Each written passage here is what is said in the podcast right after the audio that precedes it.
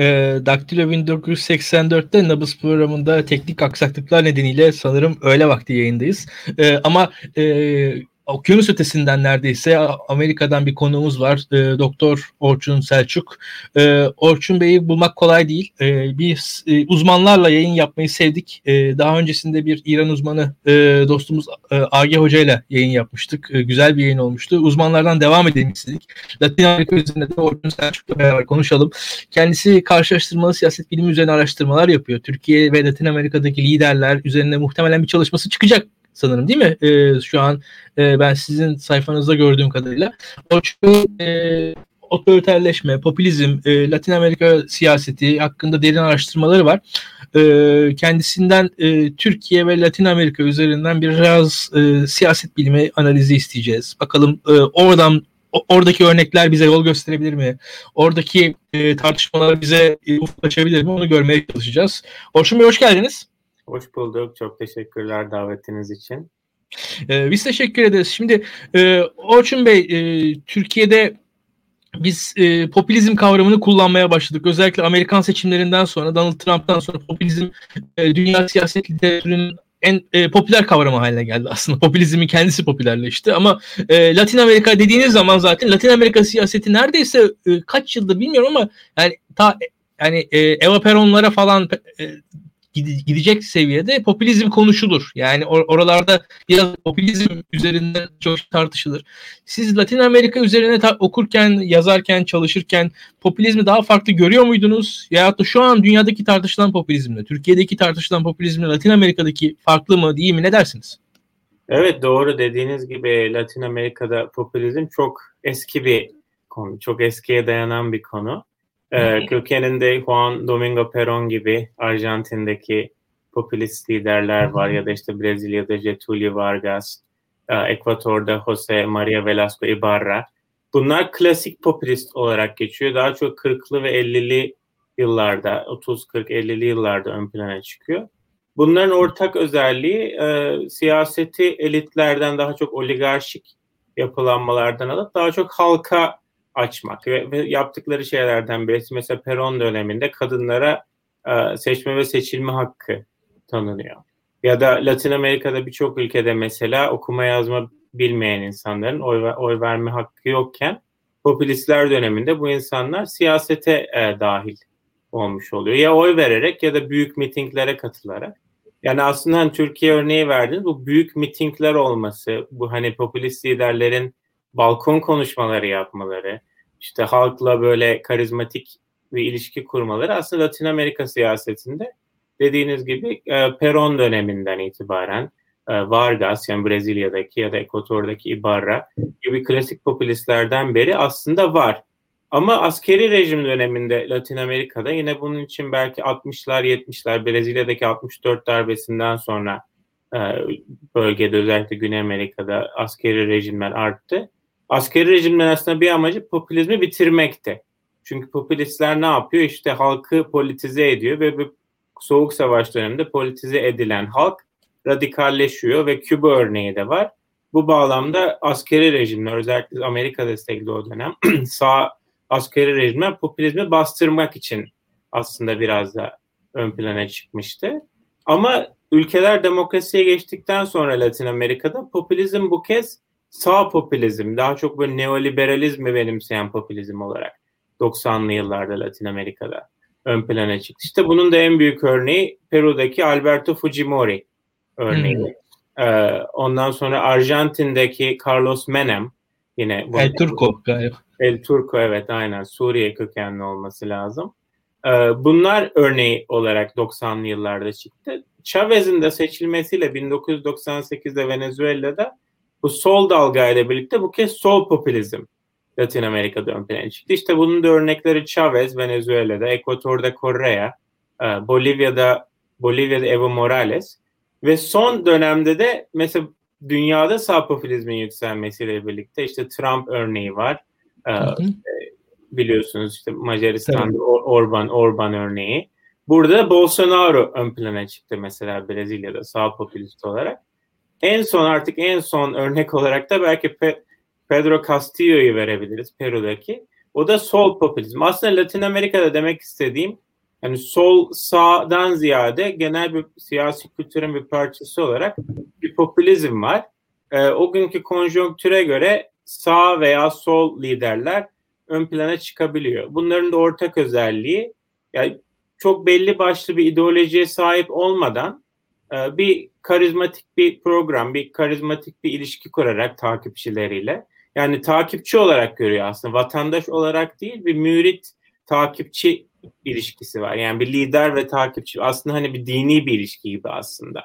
Yarı dini bir ilişki olduğunu bile söyleyebiliriz. Aslında bu açıdan da bence Türkiye'ye benziyor. Ee, Türkiye'deki işte Türkiye'deki popülizm örneklerine de baktığımızda genelde sağ popülizm biliyorsunuz konuşuluyor. İşte Menderes dönemi belki örnek olarak e, verilebilir. Özal örneği var. Hatta Özal için o dönem e, Özal üzerine Türkiye'de yazılan tezler de var. Özal Fujimori Menem karşılaştırmaları. Hani Özal da aslında o dönemin e, ruhuna uygun bir belki bir siyasetçiydi. Erdoğan da bu bağlamda daha çok Avrupa'daki işte ya da dünyadaki sağ liderlerle karşılaştırılıyor ama bence sol e, Latin Amerika'daki sol liderlerle de sol popülist liderlerle de Erdoğan'ın da ya da diğer popülist liderlerinde birçok bence ortak noktası var.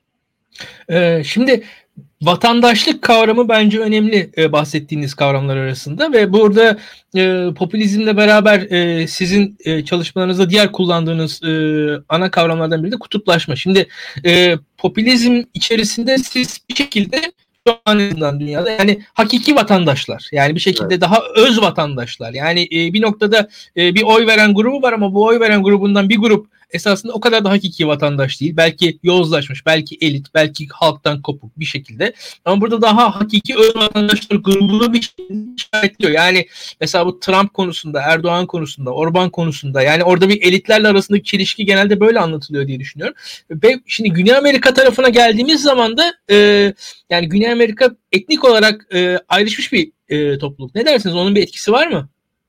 Etnik olarak belki hem popülizmi şu bağlamda özellikle 90'lardan sonra şöyle yorumlayabiliriz. Normalde Latin Amerika ülkeleri ta kolonyal oligarşik dönemlerden itibaren, oligarşik diyorum, bağımsızlığını kazandıktan sonra aslında Latin Amerika ülkeleri cumhuriyet rejimine geçti ama demokrasi olmadı. Aslında ne yine oligarşik e, işte muhafazakar ve liberal iki partilerin işte domine ettiği bir bölgeydi. E, bu bu bağlamda da ırk ve işte etnik etnik e, kimlik üzerinden daha çok beyaz erkekler başkanlık yaptı yani Latin Amerika'da baktığınız zaman. E, burada mesela Fujimori örneği yine ilginç çünkü Fujimori Japon göçmen bir aileden geliyor. Bu da mesela 1990 seçimlerinde Fujimori'nin karşısındaki aday Mario Vargas Llosa'ydı. Ünlü, ünlü Perulu yazar. E, Mario Vargas Llosa tam böyle elit, böyle dünyada prestiji olan, bilinen beyaz bir e, bir Lima eliti olarak sunuldu Fujimori tarafından. E, bu etkili oldu. Evo Morales örneği yine e, yerli halkın çok ciddi bir oranda yaşadığı Bolivya'da Evo Morales'in seçilmesi önemli bir sembolik açıdan bence gerçekten önemli bir bir bir temsil temsil temsiliyet anlamı da var. yine Chavez örneğinde bile eski diğer geçmişteki Venezuela başkanlarıyla, cumhurbaşkanlarıyla karşılaştırdığınızda Chavez'in yüz hatları, ten rengi bile e, daha farklı. Mesela Chavez, ben kendi konuşmalarını, kendi çalışmalarım için detaylı okuduğum için biliyorum. E, kendi siyahi bir bir e, anneannesinden bahseder mesela.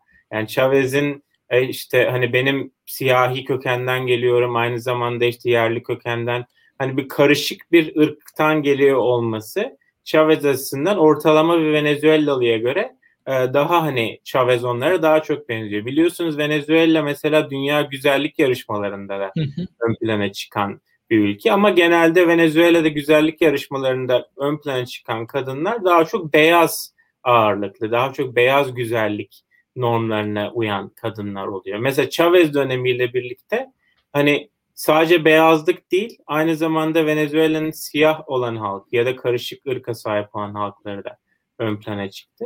Aslında bu daha çok dediğim gibi sol popülizm daha çok bu ırk etnisite meselesine daha çok önem veriyor. Castillo da yine yine karışık ırktan gelen, karma ırktan gelen e, birisi ama Bolsonaro'ya baktığınızda mesela Brezilya'da tam böyle hani beyaz böyle hani asker asker bürokrasinin askeri bürokrasinin içinden gelen birisi yani etnik olay önemli. Ee, Bolivya örneği mesela etnopopülizm olarak geçiyor bazı bazı literatürde. Ee, ama hani sadece etnik etnik kimlik üzerinden de okumak zor. Hani etnik hmm. etnik olarak dışlanmış olan kesimler tabii ki var. Ama özellikle sol popülizm Latin Amerika'da sınıf e, sınıf meselesini de ön plana çıkarıyor. Hı hı. Peki e, hocam din konusunda ne dersiniz Latin Amerika? Tabii Latin Amerika çok büyük. Yani e, bir yandan Brezilya'da şu anda e, evangelikler falan da başladılar. Yani e, çok ilginç şeyler oluyor. Yani ve e, mesela Bolivya'daki darbede e, dini vurgu e, iyi hatırlıyorum ben açıkçası. O zaman ve darbe gibi söylendi. Bilmiyorum, bilmiyorum siz nasıl anlatmak istersiniz? Evet yani din, din de ilginç ki bunu sorduğunuz iyi oldu. Türkiye'de çünkü normalde din sadece sağ sağ siyasetçilerin kullandığı bir araç olarak görülüyor. Ama aslında Latin Amerika'da hem sağ hem sol popülist liderler dini kullanıyor aslında. Ee, Bolsonaro örneği gerçekten önemli. Hani evangelist grupların Brezilya'da yükselmesiyle birlikte yine aynı şekilde Trump yine biliyorsunuz evangelist gruplardan destek almıştı. Ee, aynı şey mesela Latin Amerika'da sol aslında popülist liderlerde son derece dindar bir e, din, dindar bir arka plandan, dindar bir inançtan geliyor. Mesela en son Castillo e, hani sınıf siyasetini ön plana çıkarıyor ama mesela sosyal meselelerde daha böyle hani geleneksel dini ahlaki meselelerde o da son derece muhafazakar aslında bir çizgi e, çizgi izliyor. Ya da Chavez örneğinde mesela Chavez yine sol sosyalist bir lider olarak biliniyor ama mesela Avrupa sosyalizminden farklı olarak Chavez mesela haç taşıyan işte Katolikliğiyle gurur duyan, Katolikliğini sürekli ön plana çıkaran uh, bir lider. Uh, bir de Latin Amerika'da bu Liberation Theology dediğimiz bir, bir akım var. Uh, bu da şu, şu demek, uh, Latin Amerika'da Katolik uh, inancını uh, fakirliği ve açlığı azaltmak ve önlemek üzerine kul, kullanılan bir akım var. Yani dini dini sol bir perspektiften yorumluyorlar. İşte bunun da örnekleri dediğim gibi mesela Chavez, işte Correa, mesela Correa döneminde Ekvator'da kürtajın yasal hale getirilmesi için bir çalışma olmuştu. Hemen Correa öyle şey olmaz canım ben dindar bir insanım dedi ve hemen bunun önünü kesti. Mesela sadece kürtaj meselesine bile baktığınız zaman Latin Amerika'da sol liderler bile do- doğru düzgün hani kürtaj konusunda kadın haklarını ön plana çıkaramıyor. Burada da dini inançlar, geleneksel değerler e, ön plana çıkıyor. Aslında Türkiye'de şu anda hani AK Parti'nin belki kadın siyaseti, kadınların hakları konusunda yaptığı birçok kısıtlamaları Latin Amerika'da sol liderler e, de yapıyor. Bu da e, belki de dediğin gibi hani Latin Amerika'da. Katolik inancının ve son dönemde artan evangelik e, yine inancının e, etkisi etkisiyle de bağlantılı. Ya e, bir şey daha sorayım o zaman sizi bulmuşken. Şimdi e, Liberation teoloji, kurtuluş teolojisinden bahsediyorsunuz. E, bu teoloji peki e, sizce eskisi kadar güçlü mü? Yani bu Papa 2. Jean Paul'dan sonra gücü azaldı diye duymuştum ben. Açıkçası bu çok tartışılan bir şey de. Evet ya aslında dünya dünyadan ne kadar şu an güçlü olup olmadığını konusunda yorum yapamayacağım ama Latin Amerika örneğinde özellikle 2000'li yılların ortasında bu sol popülist dalgayla birlikte e, dini söylem de aslında ön plana çıktı. Mesela literatürde e, yani araştırma, akademik araştırmalara baktığınızda mesela Missionary Politics of Chavez diye bir makale var. Yani Chavez'in bu misyoner siyaseti. Yani Chavez nasıl dini dini kullanıyor ve hani dini e, dini bir söylem üzerinden sol siyaseti ön plana çıkarıyor. Mesela Chavez'in 21. yüzyıl sosyalizm kavramında e, aslında Hazreti İsa bugün olsaydı sosyalist olurdu. İşte 21. yüzyıl sosyalizmini e, desteklerdi e, gibi gibi açıklamaları var. Ya da işte Kore Kore örneğinde baktığınız zaman işte şu anki Papa'nın şu anki Papa biliyorsunuz Arjantinli zaten. Latin Amerikalı bir Papa olması ve e, zaman zaman sol söylemler edinmiş olması. Pardon. Zaman zaman sol söylemler kullanıyor olması e, Yani Ekvator'u mesela ziyaret etti, Bolivya'yı ziyaret etti. Hani Latin Amerika'nın nispeten daha fakir ülkelerini ziyaret ediyor olması bu bağlamda e, yorumlandı. Kore'de mesela Ekvator'da yine Chavez'in olduğu gibi kendisini bu bağlamda e, bu bağlamda yorumluyor. Yani ben Katoliyim, ben dindarım ama sol bir yorum, sol bir yoruma sahip sahibim.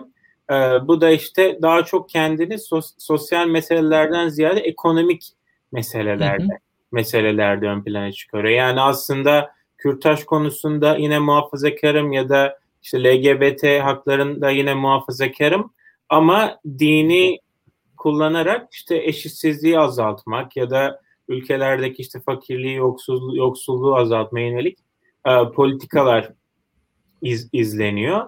E, bu daha çok Latin Amerika'da da Güney Amerika'nın da Ant bölgesinde daha hmm. çok. Yani bu işte Ekvator, Bolivya, e, Bolivya, Venezuela belki kısmen dahil edilir. Bu bölgede daha hakim.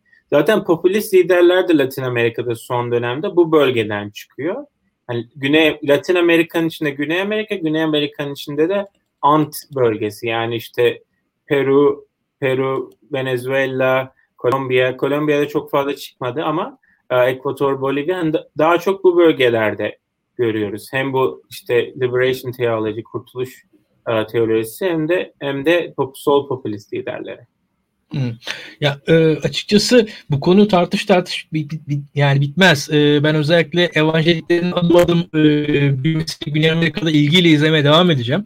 E, ama biz yavaş yavaş kendimize doğru yaklaşalım. Şimdi bu popülist liderler bir şekilde toplumda belli bir çoğunluğa hitap ediyorlar. Yani fakat e, yani sonuçta toplum bir şekilde X, Y şeklinde bölündüğü zaman e, çoğunluğun olduğu tarafı seçiyorlar. Mesela Amerika'da işte Hristiyanlar, beyazlar bunlar çoğunluk. Yani Türkiye'de siz Sünniler, Türkler dediğiniz zaman bunun karşısında çoğunluksunuz ister istemez. Ama bunun karşısında siz küçük küçük unsurları bir araya getirmeniz gerekiyor. İktidara karşı bir muhalefet yapacaksınız. Eğer toplum bu kimlikler üzerinden bölünüyorsa ve bu kimliklerde güçlü, dominant kimliği temsil eden birisi iktidardaysa öyle ya da böyle e, ona karşı muhalefet etmek için sizin tüm e, minor e, unsurları yan yana getirmeniz gerekiyor. İşte buna dair Güney Amerika'nın neler başarıldı, başarılı başarısız örnekleri konuşalım isterseniz. Çünkü Türkiye'de de muhalefetin e, bakarsanız bir Cumhuriyet Halk Partisi var ana gövdesi. Onun dışında e, iktidardan kopan e, dindar e, muhafazakar demokratlar, belki de daha hani özcü AK Partililer diyebiliriz. Belki geleneksel muhafazakarlar, belki e, seküler milliyetçiler, e, işte demokrat Kürtler vesaire farklı farklı unsurlar yan yana gelecek ki ancak e, Türkiye'deki dindar muhafazakar iktidara karşı e, onun da biraz milliyetçi versiyonuna karşı ancak ayakta kalabilsinler. Buna benzer örnekler var mı Latin Amerika'da? Evet ya bu çoğunluk, çoğunlukçuluk ve popülizm ilişkisini ben de önemsiyorum. Ki bu aslında Latin Amerika'daki popülizmi Avrupa'dan biraz ayrıştıran noktalardan bir tanesi aslında. Çünkü Avrupa'da baktığınız zaman popülist partiler, özellikle sağ popülist partiler hiçbir zaman çoğunluk çoğunluğa ulaşamıyor. Yani Avrupa'daki aşırı sağ popülist parti dediğimiz işte Almanya'daki işte ya da Fransa'daki, Hollanda'daki bu, bu aşırı sağ popülist partiler yani genelde aldıkları oy oranı yüzde on, yüzde on beş belki belki daha bile az olabiliyor. Latin Amerika aslında bu açıdan Türkiye'ye daha da daha da benziyor. Çünkü Latin Amerika'da da şu an başkanlık sistemi var ve başkanlık sisteminde bildiğiniz gibi iktidara gelebilmek için e, özellikle iki turlu Türkiye'deki gibi iki turlu sistemi kullanıyorsanız ikinci turda yüzde elli artı biri almanız gerekiyor. Yani aslında o açıdan Latin Amerika'daki e, başkanlık sistemi Amerika'dan ziyade Amerika'dan da farklı. Çünkü biliyorsunuz Amerika'da da Electoral College e, sistemi kullanılıyor. Hani o açıdan Trump'ın aslında ya da sağ popülizmin Amerika'daki çoğunluğu ne kadar temsil ettiği de bence tartışılır. Hani azınlıkçı kurumları kullanıyor. Electoral College gibi, Senato gibi e, bu kurumları kullanarak bir şekilde iktidarda iktidarda kalıyor ki biliyorsun zaten Trump 2016 senesinde Hillary Clinton'dan 3 milyon daha az oy almıştı. E, işte Biden'dan sanırım 7 milyon daha az, az oy aldı ama ona rağmen yine Trump kazanabilirdi yani seçimi. Bu açıdan Latin Amerika'daki popülizm aslında daha daha saf bir demokrasi çünkü böyle electoral college tarzı tarzı kurumlar artık Latin Amerika'da yok. Bu açıdan hem muhalefet hem iktidar koalisyonları açısından Türkiye ile bence daha karşılaştırılabilir. e, Türkiye'de olduğu gibi Latin Amerika'daki birçok başkanlık sistemi iki turlu e, şekilde ama tek turlu olanlar da var. Şu an mesela Türkiye'de e, seçim sistemin değiştirilmesi konuşuluyor. İşte %7 barajı, işte başkanı dar bölgeye bu tarz tartışmalar var. Latin Amerika aslında bu bağlamda da Türkiye'ye önemli belki dersler dersler verebilir ya da dersler içerebilir e, Türkiye'deki insanlar için. E, yani muhalefet açısından şöyle bakabiliriz. Muhalefet partileri yani de teorik olarak baktığınızda bu tarz başkanlık sistemlerinde ya ilk turda tek ortak bir aday çıkaracak ya da ilk turda herkes kendi adayını çıkarıp ikinci turda birleşilecek. Mesela Latin Amerika'da bunun e, genelde ilk turda herkesin kendi adayını çıkardığı e, bir bölge olduğunu söyleyebiliriz Latin Amerika'nın. E, bu da şundan kaynaklanıyor. Latin Amerika'da genelde siyasi partiler zayıf. E, siyasi partilerin zayıf olması yine başkanlık sisteminden kaynaklanıyor ki Türkiye'de de mesela AK Parti'nin son 3-4 sene içinde giderek zayıflamasını belki buna bağlayabiliriz. Yani giderek lider merkezli bir siyaset anlayışında Latin Amerika'da partiler daha zayıf oluyor ve partiler zayıf olduğu için aslında koordinasyon da daha zayıf oluyor. Çünkü şu an mesela Türkiye örneğinden konuşursak bugün Meral Akşener, Ali Babacan, Kemal Kılıçdaroğlu bu liderler bir araya geldiği zaman e, büyük oranda yani hem kendi seçmenlerin hem de partilerin içindeki elitlerin o koordinasyona bir şekilde destek vereceğini düşünebiliriz ya da varsayabiliriz. Ama Latin Amerika örneğinde öyle değil. Mesela sizin partinizin lideri gidip e, bir muhalefet koordinasyonuna girerse siz partinizin liderini desteklemeyebilirsiniz ya da seçmen aynı şekilde e, partizan bir oy verme eğilimine girmeyebilir. Örnek olarak da mesela Chavez döneminde ki Venezuela aslında buna istisna çünkü Venezuela seçimler iki turlu yapılmıyor, tek tur. Tek tur olduğu için Venezuela'da muhalefet koordinasyonu için aslında daha fazla yani daha fazla bir iyi bir kurumsal aslında yapılanma var. Çünkü muhalefet biliyor ki eğer muhalefet bölünmüş şekilde girerse seçime yani iktidarın adayı çok rahat bir şekilde çok rahat bir şekilde seçilecektir. Bu yüzden mesela Venezuela'da 2006 seçimlerinde ortak bir aday çıkarıldı. Rosales Chavez'e karşı kaybetti ama ortak bir aday çıkarıldı. 2012 senesinde Venezuela'daki bu MUD dediğimiz Mesa de la Unidad yani birleşik e, birleşmiş masa ya da işte birleşik masa belki yani muhalefet masası olarak çevrilebilir.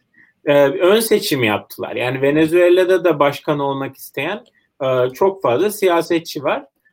Ön seçim yoluyla seçildi. Mesela televizyonlara çıktı bütün muhalif, muhalif adaylar ve muhalif adaylar birbiriyle tartıştı ve muhalif seçmen gidip sandıkta Enrique Capriles'i mesela aday olarak aday olarak seçti ve bütün adaylar sonra onun arkasında e, toplandı. Ama bu da şundan kaynaklanıyor. Çünkü Venezuela tek turlu olduğu için hani ön seçim yapmak zorundasınız. Eğer Türkiye gibi iki turlu e, iki turlu bir seçim varsa aslında ilk tur ön seçim gibi de olabiliyor bir, bir nevi. Birinci aday yüzde 50 50'ye 51'e ulaşmadığı müddetçe. Yani örneğin Türkiye'deki 2018 Cumhurbaşkanlığı seçimlerinde eğer Erdoğan yüzde 51-52 oy yerine yüzde 45 oy, oy alsaydı e, Muharrem İnce aslında muhalefetin ön seçimini kazanmış gibi e, olacaktı Venezuela perspektifinden.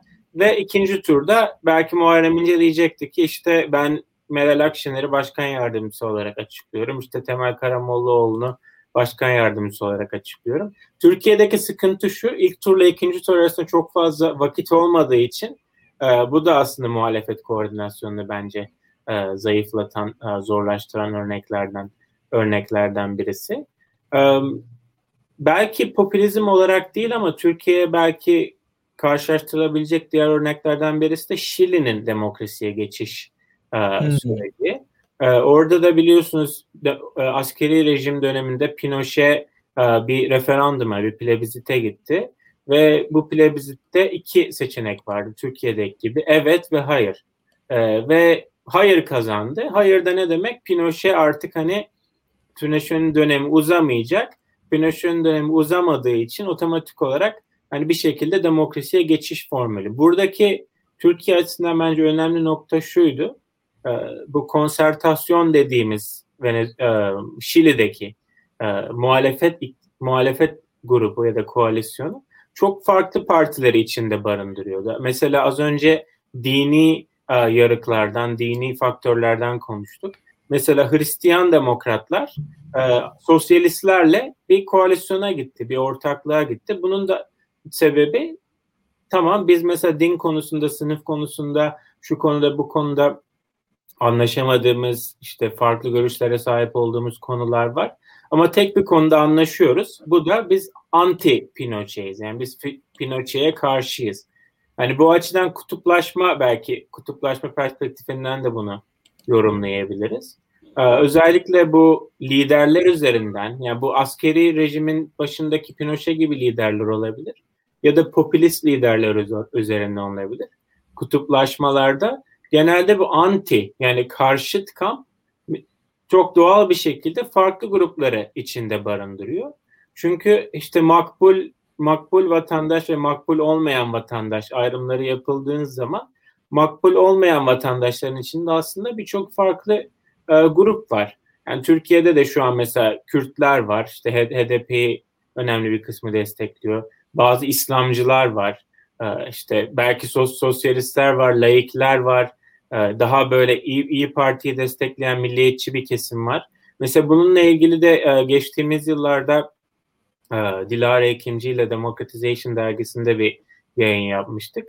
Orada da Türkiye bağlamında hem Latin Amerika'dan hem de dünyadaki başka örneklerden kaynaklı bu soruyu aslında bu soruya baktık. Yani Türkiye'de nasıl ne, nasıl oluyor da Saadet Partisi, nasıl oluyor da işte HDP, CHP, İyi Parti bunlar bir şekilde bir araya geliyor. HDP belki resmi olarak gelmiyor ama hem seçmen bazında hem de e, hem de birçok hani belki arka planda e, muhalefetle birlikte aynı aynı karede yer alıyor.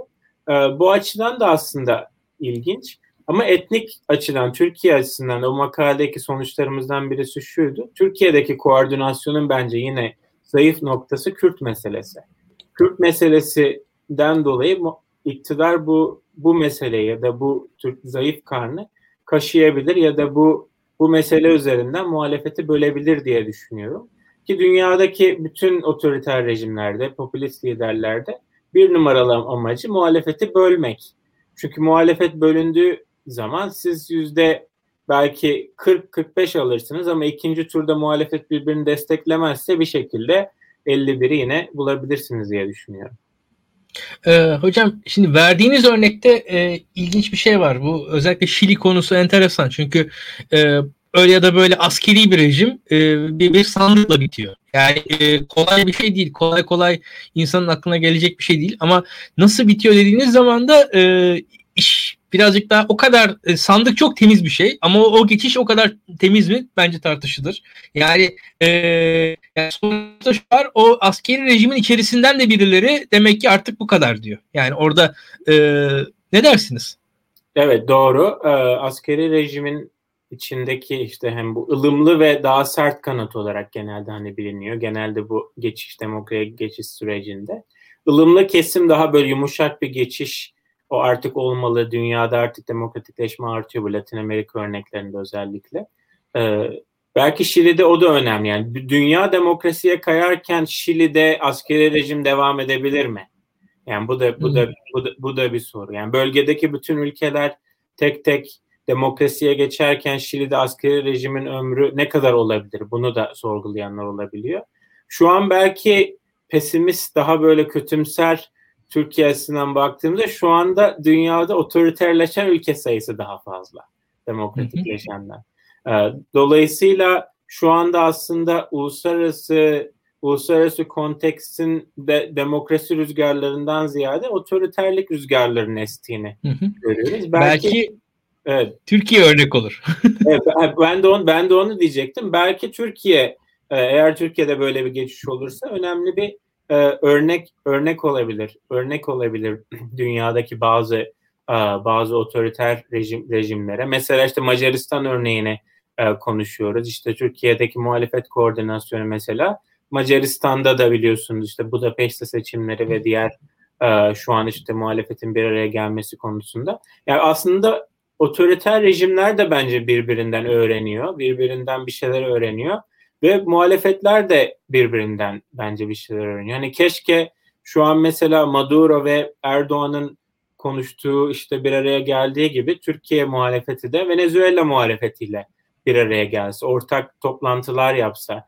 Mesela hatırlıyorum ben Türkiye'deki referandum sürecinde Şili'den birkaç kişi gelmişti. Ee, mesela Şili'deki işte bu hayır e, kampanyasının gökkuşağı e, gökkuşağı temalı olması, böyle mutluluk gelecek e, temasına sahip olması. Türkiye'de de biliyorsunuz mesela CHP o dönem hayırı böyle gülümseyen bir çocuk üzerinden e, sunmuştu. Yani böyle kız çocuğu işte hani hayır gelecek ve Türkiye'ye e, mutluluk gelecek ve geleceğim parlayacak şeklinde sunmuştu. Aslında bence mesela Şili o dönem gündem, gündemdeydi işte hayırın pozitif bir şey olarak sunulması. Referandum başarısız oldu. Ama hani muhalefet koordinasyonu açısından referandum başarısız olsa dahi e, bence önemli etkileri oldu. E, daha sonra işte İyi Parti'nin e, dahil olması, işte o dönem MHP'nin içindeki işte muhalif kesim olarak daha çok e, biliniyordu. Ya Latin Amerika'da aslında bakacak çok şey var bu açıdan. Ama tabii burada bu sol sağ e, sol sağ kavramları biraz karıştırıyor. Yani CHP'nin içinde de şu an mesela Aa, olur mu canım hani Maduro e, solcu işte devrimci biz nasıl ona karşı gideriz diyecek insanların da olduğunu düşünüyorum.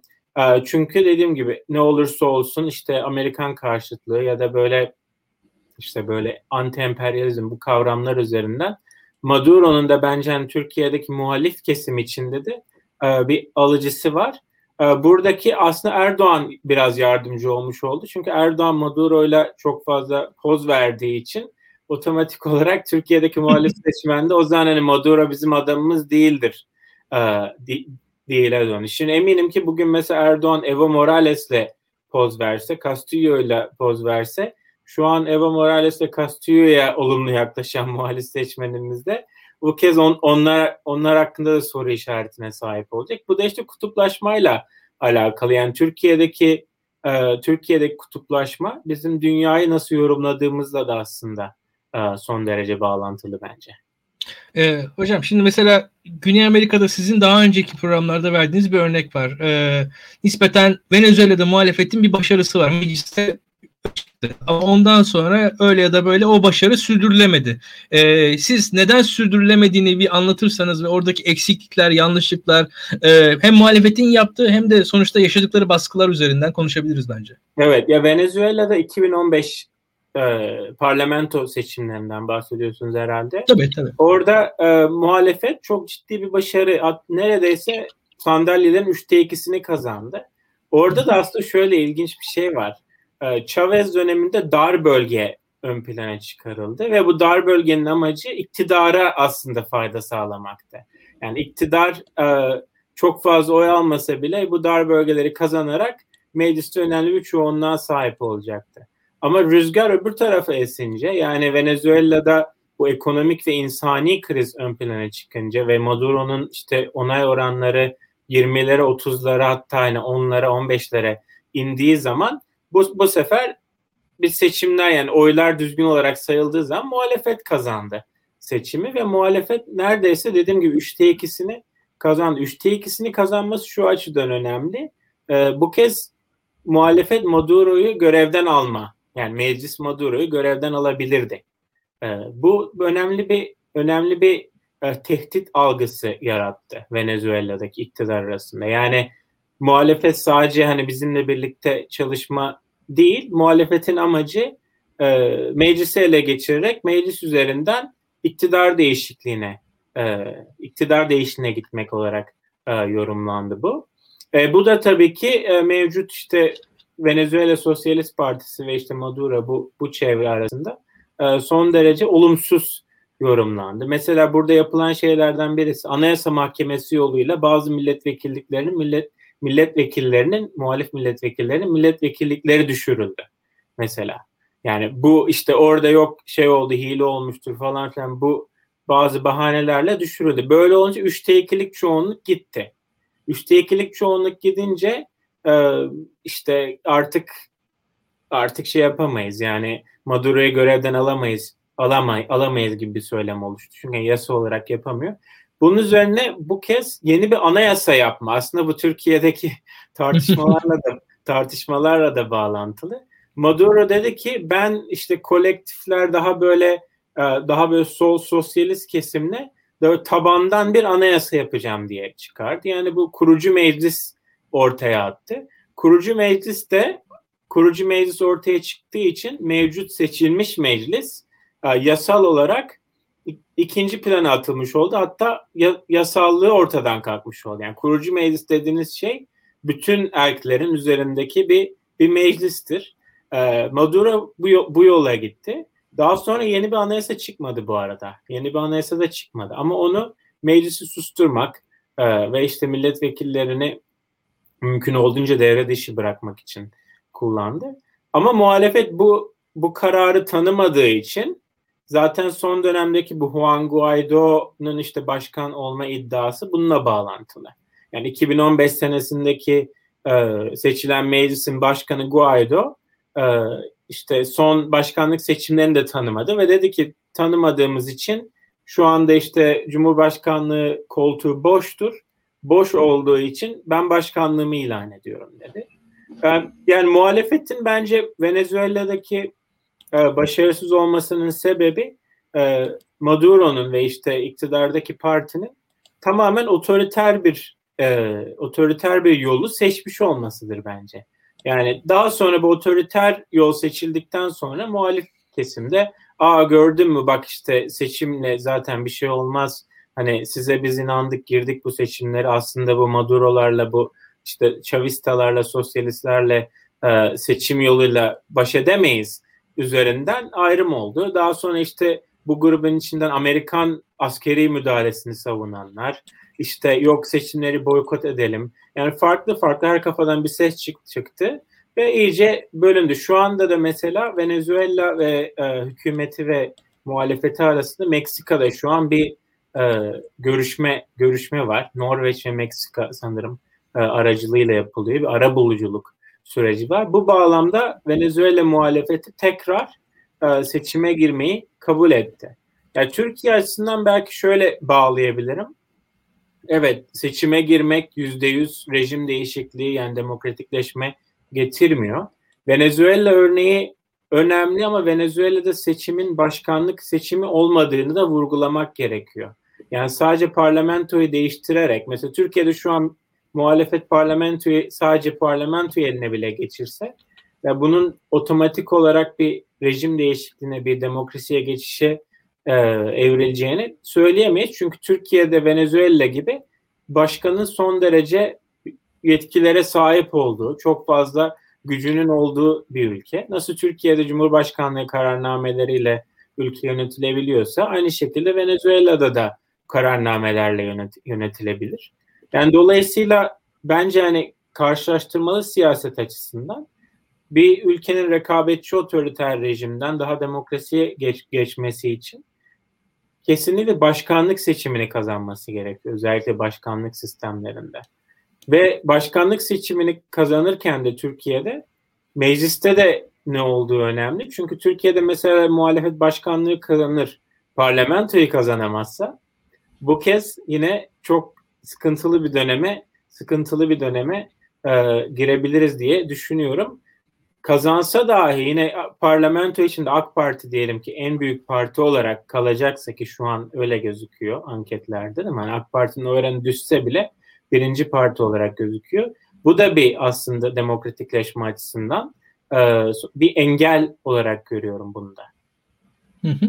Ya şimdi e, Türkiye'de şöyle bir durum var. Bizde de don sistemi uygulanıyor ve bu sistemin kendisi aslında birinci partiye avantaj evet. sağlıyor. Şimdi birinci partiye avantaj sağladıkça zaten yani Tayyip Erdoğan'ın veya Adalet ve Kalkınma Partisi'nin adayının, Cumhur İttifakı'nın adayının e, seçim kaybettiği o zamanda bile aslında partisi parlamentoda üstünlük sağlayabilir. Çünkü daha fazla seçim bölgesinde birinci parti olacağı için aslında daha avantajlı çıkabiliyor yani o hesaplara girdiğiniz zaman tek tek ki e, zaten muhalefetin bölünme ihtimali var. HDP ile aynı çatı altında bulunamıyor. Bunları üst üste koyduğunuz zaman zaten yani Türkiye'de işte 81 il var. E, bölge sayısına bakarsanız yaklaşık 90 e, seçim bölgesi var diyelim. Bu 90 seçim bölgesinin 60 tanesinde Adalet ve Kalkınma Partisi, Cumhur İttifakı zaten birinci parti. Yani e, ve bu zaten sizi bir 30 vekil öne çıkartıyor zaten tüm hesaplarda. E, en basit milletvekili dağılımında ki hani, e, başkanlık için e, birebir e, aynen anlattığınız şekilde daha orada hata yapamıyorsunuz. Yani onun cheat'i hani hilesi yok ama e, gerçek esasında ve parlamentoda öyle bir ufak bir şeyiniz var. Avantajı bir önde olma durum var Cumhur İttifakı'nın her zaman ki dediğinize devam edeyim ben. E, sonuçta e, parlamentoda da yani 50 civarı 70-80 civarı belki de HDP milletvekili olacak. Şimdi Bunlarla e, bu HDP milletvekilleriyle İyi Parti vekillerinin çok o koordineli, uzlaşmalı bir şekilde e, eşgüdüm içerisinde hareket edeceklerini düşünmek de e, kolay değil. Şimdi bugünden bakarsak hatta yani bugün bile e, İyi Partili vekiller en son e, bir oylamada turizm vesaire bir oylamasıydı galiba. E, girdiler oy verdiler 22 vekil. Hatta ondan sonra itiraz hani özür beyan babında açıklamalar bile yapıldı. Hatırlıyoruz yani biz şu anda. O, o kolay değil Türkiye'de de. Dediğiniz şeyler çok doğru. Ee, hatta e, şimdi Venezuela örneği belki birazcık daha uç bir örnek. Türkiye'nin şu anki şartlarına göre. Sizin yakından takip ettiğiniz bir güncel bir örnek vardı. Birkaç ay önce bunun için de Türkiye'de yayınlara çıktınız, izahlar ettiniz. Ee, şeyden bahsediyorum. Bu e, Fujimori'nin e, kızının aday olduğu ve çok uzun süren bir seçim süreci. Ben ta, kendim çok yakından takip edemedim ama kendi adıma uzaktan baktığım zaman e, ya Güney Amerika Türkiye 30 Mart seçimleri yapıyormuş gibi geldi hatta bana. Bizim yerel seçimleri andırdı. E, seçim uzadıkça uzadı. Karar belli olmadı. O süreci de anlatırsanız çünkü e, sanırım e, gelecekte önümüzdeki seçim Türkiye'deki e, o seçimi andırabilir gibi de bir hissiyatım var benim. Yani en azından o bir senaryo. Türkiye'nin yaşayacağı o tane bana dersiniz. Evet, Peru Peru ve son Ekvator iki seçim bu yakın zamanda yapılan iki seçimde bence hani başkanlık sistemindeki dinamikler ve popülizm, kutuplaşma bu bağlamda aslında yakından incelenebilecek örnekler. Ee, Ekvator'la başlayayım sonra Peru Peru ile bitireyim. Ee, Ekvator örneğinde de şöyle şöyle bir şey oldu. Ee, Kore işte 2017 senesinde iktidardan ayrılırken e, birini kendi adayı olarak ortaya koydu. Lenin Moreno e, eski başkan yardımcısı. Lenin Moreno seçildikten sonra e, Kore'ye tamamen sırtını döndü. E, bu bu bağlamda 4 yıl sonraki 4 yıl sonra yapılan seçimlerde yani bu sene içinde yapılan seçimlerde Kore'ye yine başka bir birini aday gösterdi. Yani Andres Arauz diye birini aday gösterdi. İlk turda Andres Arauz seçimi önde önde kapattı. %30 küsür bir e, oyla. İkinci gelen aday %19-20 alan Guillermo Lasso'ydu. İkinci turda mesela anti-Korea oylarıyla Guillermo Lasso seçimi kazandı. Yani Korea karşıtı kampı, Korea karşıtı grubu konsolide etti ve bir şekilde e, seçimi kazandı. Ama sorun şu, Guillermo Lasso başkan seçildi ama Guillermo Lasso'nun partisi Creo'nun çok az bir sandalyesi var mecliste. Ve meclisteki en büyük parti yine en büyük hareket Kore hareketi. Yani şimdi böyle bir böyle bir iktam belki Kore hareketi mecliste çoğunluğa sahip değil ama meclisteki yine en büyük parti. Bu hani Türkiye'de olabilecek senaryolardan birisi. Yani muhalefetin adı ikinci turda kazanır ama yine ikinci tur sonrası yine oluşabilecek oluşacak parlamentoda popülist hareketin yani popülist liderin destekçilerinin takipçilerinin olduğu parti yine bir numara olabilir. Peru örneğinde de Peru daha ekstrem aslında siyasi partiler açısından. Çünkü siyasi partilerin çok zayıf olduğu e, zayıf olduğu bir ülke. O da popülizm ve kutuplaşma açısından şöyle bir yorumlanabilir. Fujimori'nin kızı dediğiniz gibi Keiko Fujimori aday oldu ki Keiko Fujimori'nin bu üçüncü üst üste ikinci tur yenilgisi oldu. Yani Keiko Fujimori üç seçimdir ikinci tura kalıyor ve üç seçimdir neredeyse yüzde 49-51 şeklinde bitiyor e, Peru'da, Peru'da seçimler. Hatta bu sefer 49'a daha bile yakın bitti yanıl, yanılmıyorsam. Orada da yine şu şu şu nokta var. Ee, hani babasının mirasını devralan Keiko Fujimori seçimlerde hala ciddi bir desteğe sahip ki ben bunun Türkiye'de de olacağını düşünüyorum. Yani Erdoğan kendisi tekrar aday olabilir ya da Erdoğan'ın mirasını eğer tabii iktidar değişikliği olursa ya da Erdoğan miras Erdoğan'ın mirasını sahiplenen birileri tekrar aday olabilir. Yani Türkiye siyasetinde yani bugün siz Erdoğan'ı Cumhurbaşkanlığından ettiğiniz zaman ya da seçimden e, seçimde kazandığınız zaman ona karşı Erdoğanizm Türkiye'de bitecek diye bir şey yok. Yani Tabii. sonuçta nasıl Arjantin siyasetinde halen peronizmi konuşuyorsak yani halen dediğim gibi 1990-2000 arası sadece başkanlık yapmış olmasına rağmen Peru, Peru siyasetinde Fujimorizmi konuşuyorsak yani Türkiye'de de benzer bir şey olacak. Belki bu negatif kimlikler yani negatif oy verme davranışı üzerinden de belki yorumlayabiliriz. Bence Türkiye'de de bu önemli noktalardan birisi. Ee, Peru örneğinde mesela Fujimori'ye oy veren kesimlerin, yani Keiko Fujimori'ye oy veren kesimlerin önemli bir kısmı Castillo'ya karşı oy verdi. Aslında oy Fujimori'ye değil, Castillo'ya vermemek. Yani Castillo'nun karşısında kim vardıysa ona hani tatava yapma bas geç Türkiye Türkiye siyasetindeki söylemle e, ona verildi. Aynı aynı şekilde Castillo da ilk turda ki yüzde sanırım 17-18 o civarda bir oy almıştı. E, Castillo da Fujimori karşıtlarından da oy aldı. Yani aslında bu karşıtlardan oy verme, karşıtlık dolayısıyla bir adaya oy verme dünyada da bence yükselen bir şey. Ee, biliyorsunuz Amerika'da da mesela Joe Biden'ın seçilmesi herkes Joe Biden'ın kaşına gözüne hayran olduğu için değil aman bir an önce Trump gitsin giderse gitsin hani kim olursa ona vereceğiz tarzı bir tarzı bir oy vermeydi.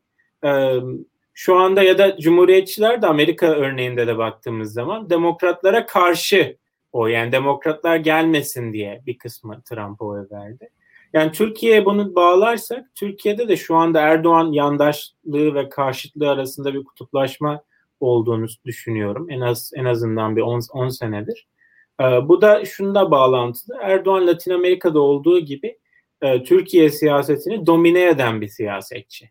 Yani Türkiye siyasetinde şu anda Erdoğan çok önemli bir ağır, ağırlığa sahip. Yani bir partilerden bağımsız olarak. Bu da Latin Amerika'daki işte Chavez'in ağırlığı, Peron'un bir dönem ağırlığı, işte Correa'nın, Evo Morales'in ağırlığı. E, bununla bağlantılı.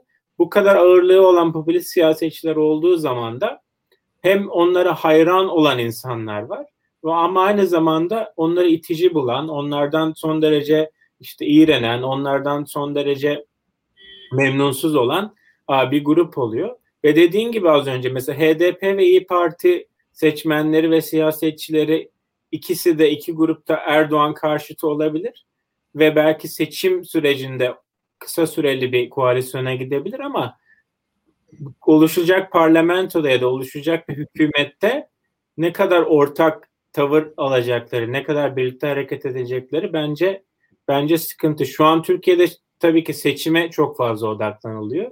Ama bence eğer muhalefeti seçimi kazanacağını düşünüyorsa muhalefetin seçim sonrası için de ciddi planlar yapması gerekiyor. Çünkü sadece hani Erdoğan'ı yendim, AK Parti iktidardan indirdim. Bu birkaç ay belki e, ülkede muhalif seçmenler arasında mutluluk sağlayabilir. E, ama daha sonra yine ülkeyi yönetmeniz gerekecek. Ve eğer ülkeyi yönetemezseniz bu kez ülkeyi 20 sene, 10-15 sene yönetmiş gruplar bu kez işte altın çağlarını ön plana çıkararak işte biz şunu yaptık, bunu yaptık diyerek yeniden kampanya yapıp yine siyasette iktidara dönme şansı olabilir diye düşünüyorum. Mesela işte Arjantin'de Peronistlerin sürekli iktidara dönme, dönmeleri gibi. Şu an Venezuela'daki tartışmalardan birisi de o. Yani Venezuela'da muhalefetle iktidar konuşurken muhalefetin amacı Chavista hareketini tamamen ortadan kaldırmak mı?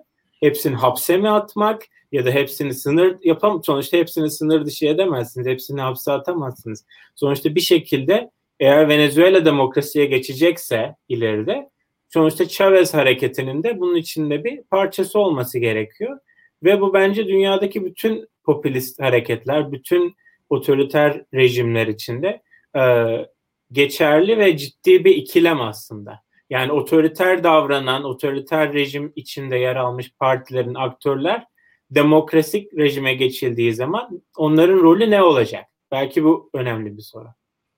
Doğru. Ya e, hocam açıkçası 50 dakika oldu. Programı yavaş yavaş sonlandıralım isterim. Sizin de işleriniz var bugün. Ee, bize e, vakit ayırdınız. Ee, şöyle söyleyeyim ben gerçekten de muhalefetin önemli bir kısmı bir seçim e, yenilgisini tattırmanın iktidara her şeyi de, değiştirme yeteceğine inanıyor. Pek öyle olmadığı gözüküyor. Yani açıkçası bu iş böyle bir seçim tabii seçim çok önemli. Seçim belki en önemli şey ama seçimlere bitmiyor.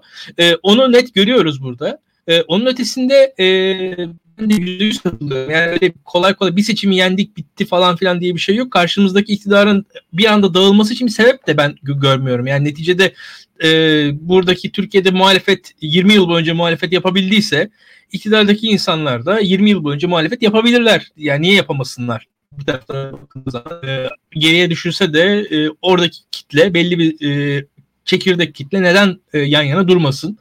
E, hiç bana şey gelmiyor. Yani Türkiye'de insanlar şey e, e, hikayesini yani Demokratik Sol Parti'nin 2002'de yaşadığı hikayenin aslında e, verili bir hikaye olduğuna inanıyorlar. Yani o, o şekilde bir anda bitip e, yerle eksan olduktan sonra bir partinin yok olacağına inanıyorlar ama illa şart değil yani öyle bir şeyin olması. Gayet Türkiye'de 40 yıllık 50 yıllık siyasal hareketler var ve bu hareketler partileri kapandı, liderleri hapse girdi vesaire. Devam ettiler bu hareketler e, ve belli e, biz çok eleştiriyoruz belki yeri geldiği zaman işte dava fikri falan. E, onun bir karşılığı var. Veyahut da işte beka söylemi deniyor. E, bence beka söyleminin de bir karşılığı var seçmenlerde. Ki e, dediğiniz gibi bir en ufak başarısızlık anında zaten iktidar oradan e, cevap verecektir. Ki biz bunu yerel seçimlerde de sonrasında da mesela e, muhalefetin belki şu an şansı belediyeler doğru düzgün yönetiyorlar mesela. Yani hakikaten Türkiye'de öyle bir şey var. O olmasaydı esas mesele e, bambaşka bir noktadaydı belki de Türkiye'de. Neyse e, konular çok uzun. E, hocam e, çok teşekkürler. E, muhtemelen e, sizin böyle gündemi e, önümüzdeki aylarda tekrar ısınır. Biz sizi tekrar konuk alırız. Ben e, açıkçası kendi adıma bu Daktilo 1984'te uzmanlarla, ülkelerin uzmanlarıyla, bölgelerin uzmanlarıyla konuk e, program yapmanın keyfini aldım. E, devam edelim. E, hoş geldiniz tekrar tekrar geldiğiniz için teşekkürler. Daha doğrusu gelemeden önce onu söyleyeyim ben. E, son sözleriniz varsa onları alalım ve izleyicilere veda edelim. Çok teşekkürler davetiniz için. Benim açımdan da keyifli bir keyifli bir yayın oldu. Birçok konuya yine değindik. Bence dediğim gibi izleyicilerimiz de dinleyicilerimiz de Latin Amerika örneklerine e, yakından baksın. Yani Latin Amerika her ne kadar Türkiye coğrafi olarak uzak bir bölge olarak e, Türkiye'de işte çok fazla gündemde olmasa bile özellikle başkanlık sistemiyle yönetildiğimiz için ve popülist liderlerin hem sağ hem sol açıdan e, var olduğu bir kıta olması sebebiyle Latin Amerika bence daha çok e, üzerine eğilinmesi gereken e, bir bölge haline gelmiştir diyorum Türkiye siyaseti açısından. Hı hı. Ee, çok çok teşekkürler o zaman. Ee, size sizin için de bizim için de daha henüz e, gün devam ediyor. İyi günler dileyelim izleyicilerimize. E, haftaya tekrar görüşmek üzere arkadaşlar.